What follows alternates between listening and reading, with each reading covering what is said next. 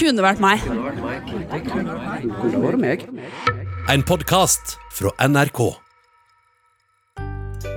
Vi reste ju jorden runt direkt efter videregående och hade ju såklart sparat upp en massa, massa pengar genom att arbeta efter skolan och på helgerna för att kunna ha den mest fantastiska turen. Et ganske klassisk opplegg, det der. Og det høres jo helt nydelig ut, men jeg er faktisk eh, skråsikker på at du ikke er gira på å gå gjennom det Anna og venninna opplevde. Allting startade väldigt, väldigt gott. Vi tog först till Thailand, därefter Bali och därefter Australien. Men planen stod på Fiji. Eh, och där hade vi bokat en liten sån här cruise mellan, jag tror det var så tio öar vi skulle besöka under de eh, tre veckorna som vi hade planlagt att vara i Fiji. Fiji er en øygruppe i Stillehavet som er kjent for kritthvite strender, palmer och korallrev. Flyger in till mainland, Kuta. Ehm, och blir då ganska snabbt bemött med ett väldigt dåligt väder. Så eh, vi kommer på den första stället som vi ska bo en natt. Eh, för vi då ska ta på den här cruisen som vi då hade förbetalt. Eh, och den natten gick väldigt grejt. Vi var väldigt glada för att vi skulle komma ut på öarna och komma tättare på vann och strand. Og de fikk beskjed om å pakke smart, for de skulle til små steder langt utafor allfarvei, uten biler, uten butikker og uten minibanker, så de måtte ha med seg alt de trengte. Utenom mat, det skulle de få på øyene. Um, Så när vi startade den här cruisen då så kom vi på ett sånt, det ser lite ut som de båtarna som går i Oslofjorden. Mellan Näsodden och Oslo centrum och så vidare. Den typen av störelse var det på den färjan då som vi hoppade på. Och vi sitter där och det var jättemycket folk och så säger de då, det var vårt stopp. Och vi ser bara rätt ut i vann och världens minsta ö står rätt från oss. Så vi blev fraktat med sådana små gummibåtar då från den här färjan ut till ön. Och vid första ögonkast så ser det ut som ett paradis. Det ser ut som du har kommit till den här ön. Du vet, man tänker i huvudet, okej, detta är den öde ön. Vilka tre ting tar du med dig? Det är den bilden du har i huvudet. För det är bara palmeträ och så ett stort hus då som både en eh, restaurang och samma byggning så skulle vi också bo då. Så fantastisk! Ja, eh, och solen strålade och vi var bara överlyckliga att vi var där. Vi sprang upp i eh, sovrummet som var då ett sånt här fälles sovrum med bunkbeds. Eh, tog på oss bikini och gick direkt ut och bara la oss på stranden och solade och badade. Och eh, på kvällen där så hade vi en fällesmiddag för det var väldigt sån familjärt. Man satt samman med alla som var på ön och bodde där och åt middag och allt gott. Och så var det då dags att gå och lägga sig. Och nu ska du säga att vi var kanske inte de mest som klassiska backpackerna. Eh, vi blev lite sån made fun för att vi kom med rullväskor in emellan och hade då också köpt med såna här specialgjorda eh, sleeping bags. Då som vi kunde sova i för vi hade inte lust att sova i det sängetöjet som kanske var på vissa ställen. Så vi rullade ut dem och i och med att vi sov i Felles rum så tänkte jag att det var grejt att jag tog mitt pass och min mobil och sov med dem i den här sovepåsen då. Um, så vi går och lägger oss och somnar ganska snabbt. Och vaknar sån mitt på natten av att jag följer, du vet den födelsen man får när hela kroppen sover eller när armen sover eller benet har somnat för att du inte får tillräckligt mycket blod ned. Men den födelsen var inte bara i ett ben eller i en arm. Den var över hela kroppen. Och då lutade jag lite på vad det här var såklart så Var det kribling, eller? det var precis som sån tusen nålar kallar vi det i Sverige. Å ja, ja, Eh, ja, Du känner hur det sticker, kryper lite på hela kroppen. Så jag lyfter upp då den här övre delen av sovmadrassen och ser bara miljontals sorta prickar över hela kroppen. Och vid första ögonkast så visste jag inte riktigt helt vad det var. Men när jag satte på mobilen och lös så kunde jag då se att det var små, små dyr. Och det var då bedbugs. Bedbugs, veggdyr på norsk, er noen små sniker av noen blodsugende insekter. Altså, de elsker menneskeblod og ligger i skjul, i sprekker og bak lister om dagen. Og når det er stille i rommet, og du har sovna, så sniker de seg fram og borer seg gjennom huden din med noe som ligner på en blanding av en sag og en snabel. Så du mer insekter enn du så hud? Ja, Mye mer? mycket mer. Jag följt nästan, du vet när det blir sån på fjärrsynet. när det blir sån vitt och sort. Du har lite sån følelse.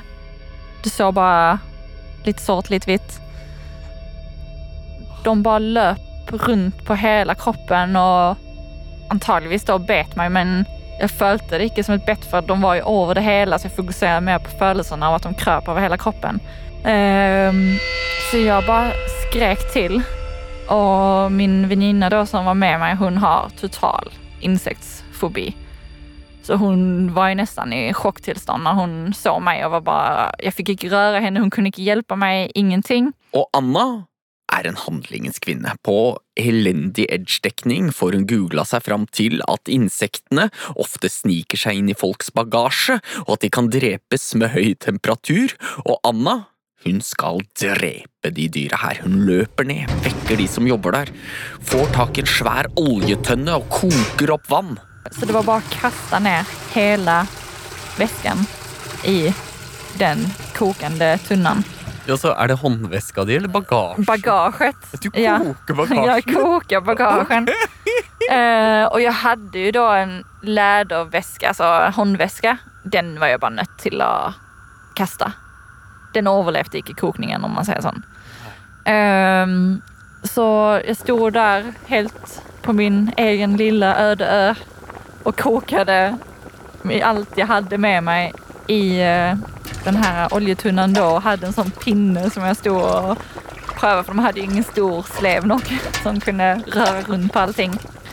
Og her må jeg bare minne om en ting. altså Den jenta som står her midt på natta og rører rundt i et svært oljefat, er den samme litt classy, velkledde dama som kom til øya for litt over 14 timer siden med trillekoffert. Eh, och jag kunde självsagt inte, gå och lägga mig igen. Ehm, och det som jag så då uppdagade när jag skulle ta ut alla mina ting ur väskan och koka det, så var det ju då att alla de här kontanterna vi hade tagit ut, som man var nött till att ta ut för det var inga ATMs ute på de här spårarna, de var ju självsagt också borta. Så det är någon på natten som vi har sovit med i det här stora rummet som har varit och tagit alla våra kontanter. Altså, De må hjem. Altså, Det er ikke sjans for at de jentene kan være lenge på den øya. Det paradiset du beskrev Ja. i stad, alt det har jo da snudd til å bli helt grusomt. Altså, Det är precis som det är ön från helvetet. Og det er ikke sånn at de bare kan ta en båt og kjøre tilbake til hovedøya. Eller det hadde kanskje vært mulig å chartre seg en båt og kjøre tilbake til hovedøya hvis de hadde hatt penger. Og når sola står opp, går det for alvor opp for Anna hvordan kroppen hennes ser ut. Jag hade bett över hela kroppen så jag såg ut som en det vi i Sverige kallar prickig korv. prikkekorv, altså sånn prikkepølse. Ja. Det var som jag hade, det var liksom inte en centimeter nästan som var normal hud. Men Det var han- bara bett. Åh, Och små, små bett. Det är liksom inga stora bett de här bedbugsen gör utan det är väldigt små, små stick som blir väldigt röda och klör något helt enormt. Og de er i villrede, altså de aner ikke hva de skal gjøre. Eller og i praksis har de jo ikke noe valg heller, de er jo tross alt på en knøttliten øy med ett lite hus, og de er desperate. Og ved lunsjtider så skjer det en liten, litt sånn rar detalj, som kanskje ikke er så ille i seg selv, men det blir altså dråpen som får begeret til å renne over, og får jentene til å kaste alle prinsipper. vi skulle tänka och finna ut vad vi skulle göra över lunch. För det var ju då all inclusive, selvsagt. självsagt. Men kommer då upp till det här lunchstället och vi är så sultna. För att du får bara det du blir serverat. I princip det är inte så mycket andra möjligheter till att köpa någonting utöver chips och lite cola och lite alkohol. Men eh, lunchen bestod av pizza, fick vi fortalt. Vi tänkte bara, oh, shit nice. Men det är ju inte pizza som vi tänker det. Utan det var en pizzabun med jordbärssyltetøy, ost och M&M's ovanpå. Och vi, jag tror bara det var liksom sån, the last straw. För då var det bara så nu må vi lägga en plan för hvordan kommer vi väck från detta här. Vi kan inte vara här med. Vi sitter då och diskuterar anledningar till varför de ska återkalla en båt till att komma och hämta oss för att komma väck från den här ön. Vi tänkte att den enda anledningen att de ska kunna komma och hämta oss, det är ju för att någonting väldigt, väldigt allvarligt har skett. Och jag gick upp typen som normalt lyver om sådana ting för jag syns det är helt förfärligt. Men vi var bara nöjda till att se att det var någon som hade dött i familjen. För att komma bort från det här stället. Så eh, vi ser ju det här och till de som arbetar på stället att vi, vi är nöjda till att komma tillbaka till Main Island. Vi, vi kan inte bli här, det är akut. Vi må hem. Och eh, heldigvis så kom ändå en eh, kustbevakningsbåt som var rätt tätt på, eh, som då fick transportera oss tillbaka till Main Island på Fiji. Och när vi kommer dit då så är det det största monsunregnet någonsin. Och det börjar så smått bli lite översvämmelse. Så vi kommer tillbaka till det hotellet vi var första dagen. Och när de kommer fram så visar det sig att de har ett problem, för Anna sin kropp den är ju full av prickar och det lyser veggdyrangrep.